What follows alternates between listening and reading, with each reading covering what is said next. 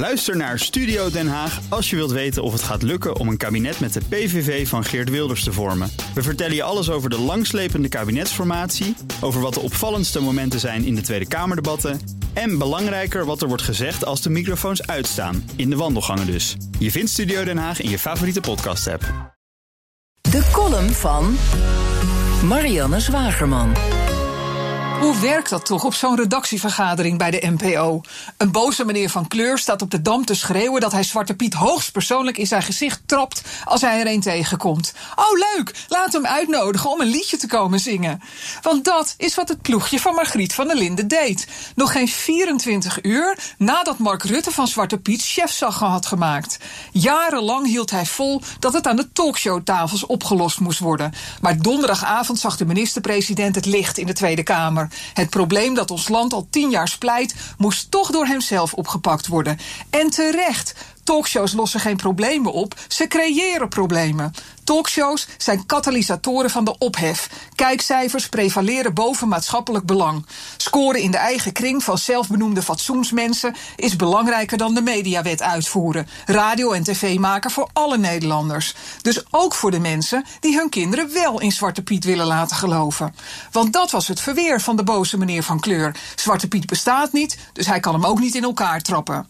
De gemiddelde NPO-kijker is al een tijdje uit de peuters. Maar je zou maar net om zeven uur met zo'n fris gewassen wezentje in pyjama op de bank zitten. Als Margriet je kinderfeestleugentjes doorprikt. Heb je toch wat uit te leggen. Bovendien is Zwarte Piet, of je erin gelooft of niet, geen fictieve figuur. Zwarte Piet is witte Henk met zwarte verf op zijn wangen. Henk die heus zijn best doet om geen neger meer te zeggen, sinds zijn collega's hem duidelijk maakten dat dat echt niet meer kan. Henk die heus even slikte toen zijn dochter met een donkere man thuis kwam, maar evenveel houdt van zijn kleinkinderen met als zonder kleur. Hij zegt geen halfbloed meer, sinds zijn dochter hem uitlegde dat die term een beetje gek is. Ik zette de NPO uit en keek de documentaire over Bob Marley nog maar een keer. Je hoefde Marley niks te vertellen over discriminatie. Als mixbloed werd hij zijn hele jeugd getreiterd omdat hij niet zwart genoeg was. Hij erfde het white privilege van dodelijke huidkanker. Zou hij zich omdraaien in zijn graf in Jamaica over de huidige vertegenwoordigers van de mensen van kleur in de media? Je kan sommige mensen een tijdje voor de gek houden, maar niet alle mensen de hele tijd. Columnist Marianne Zwagerman.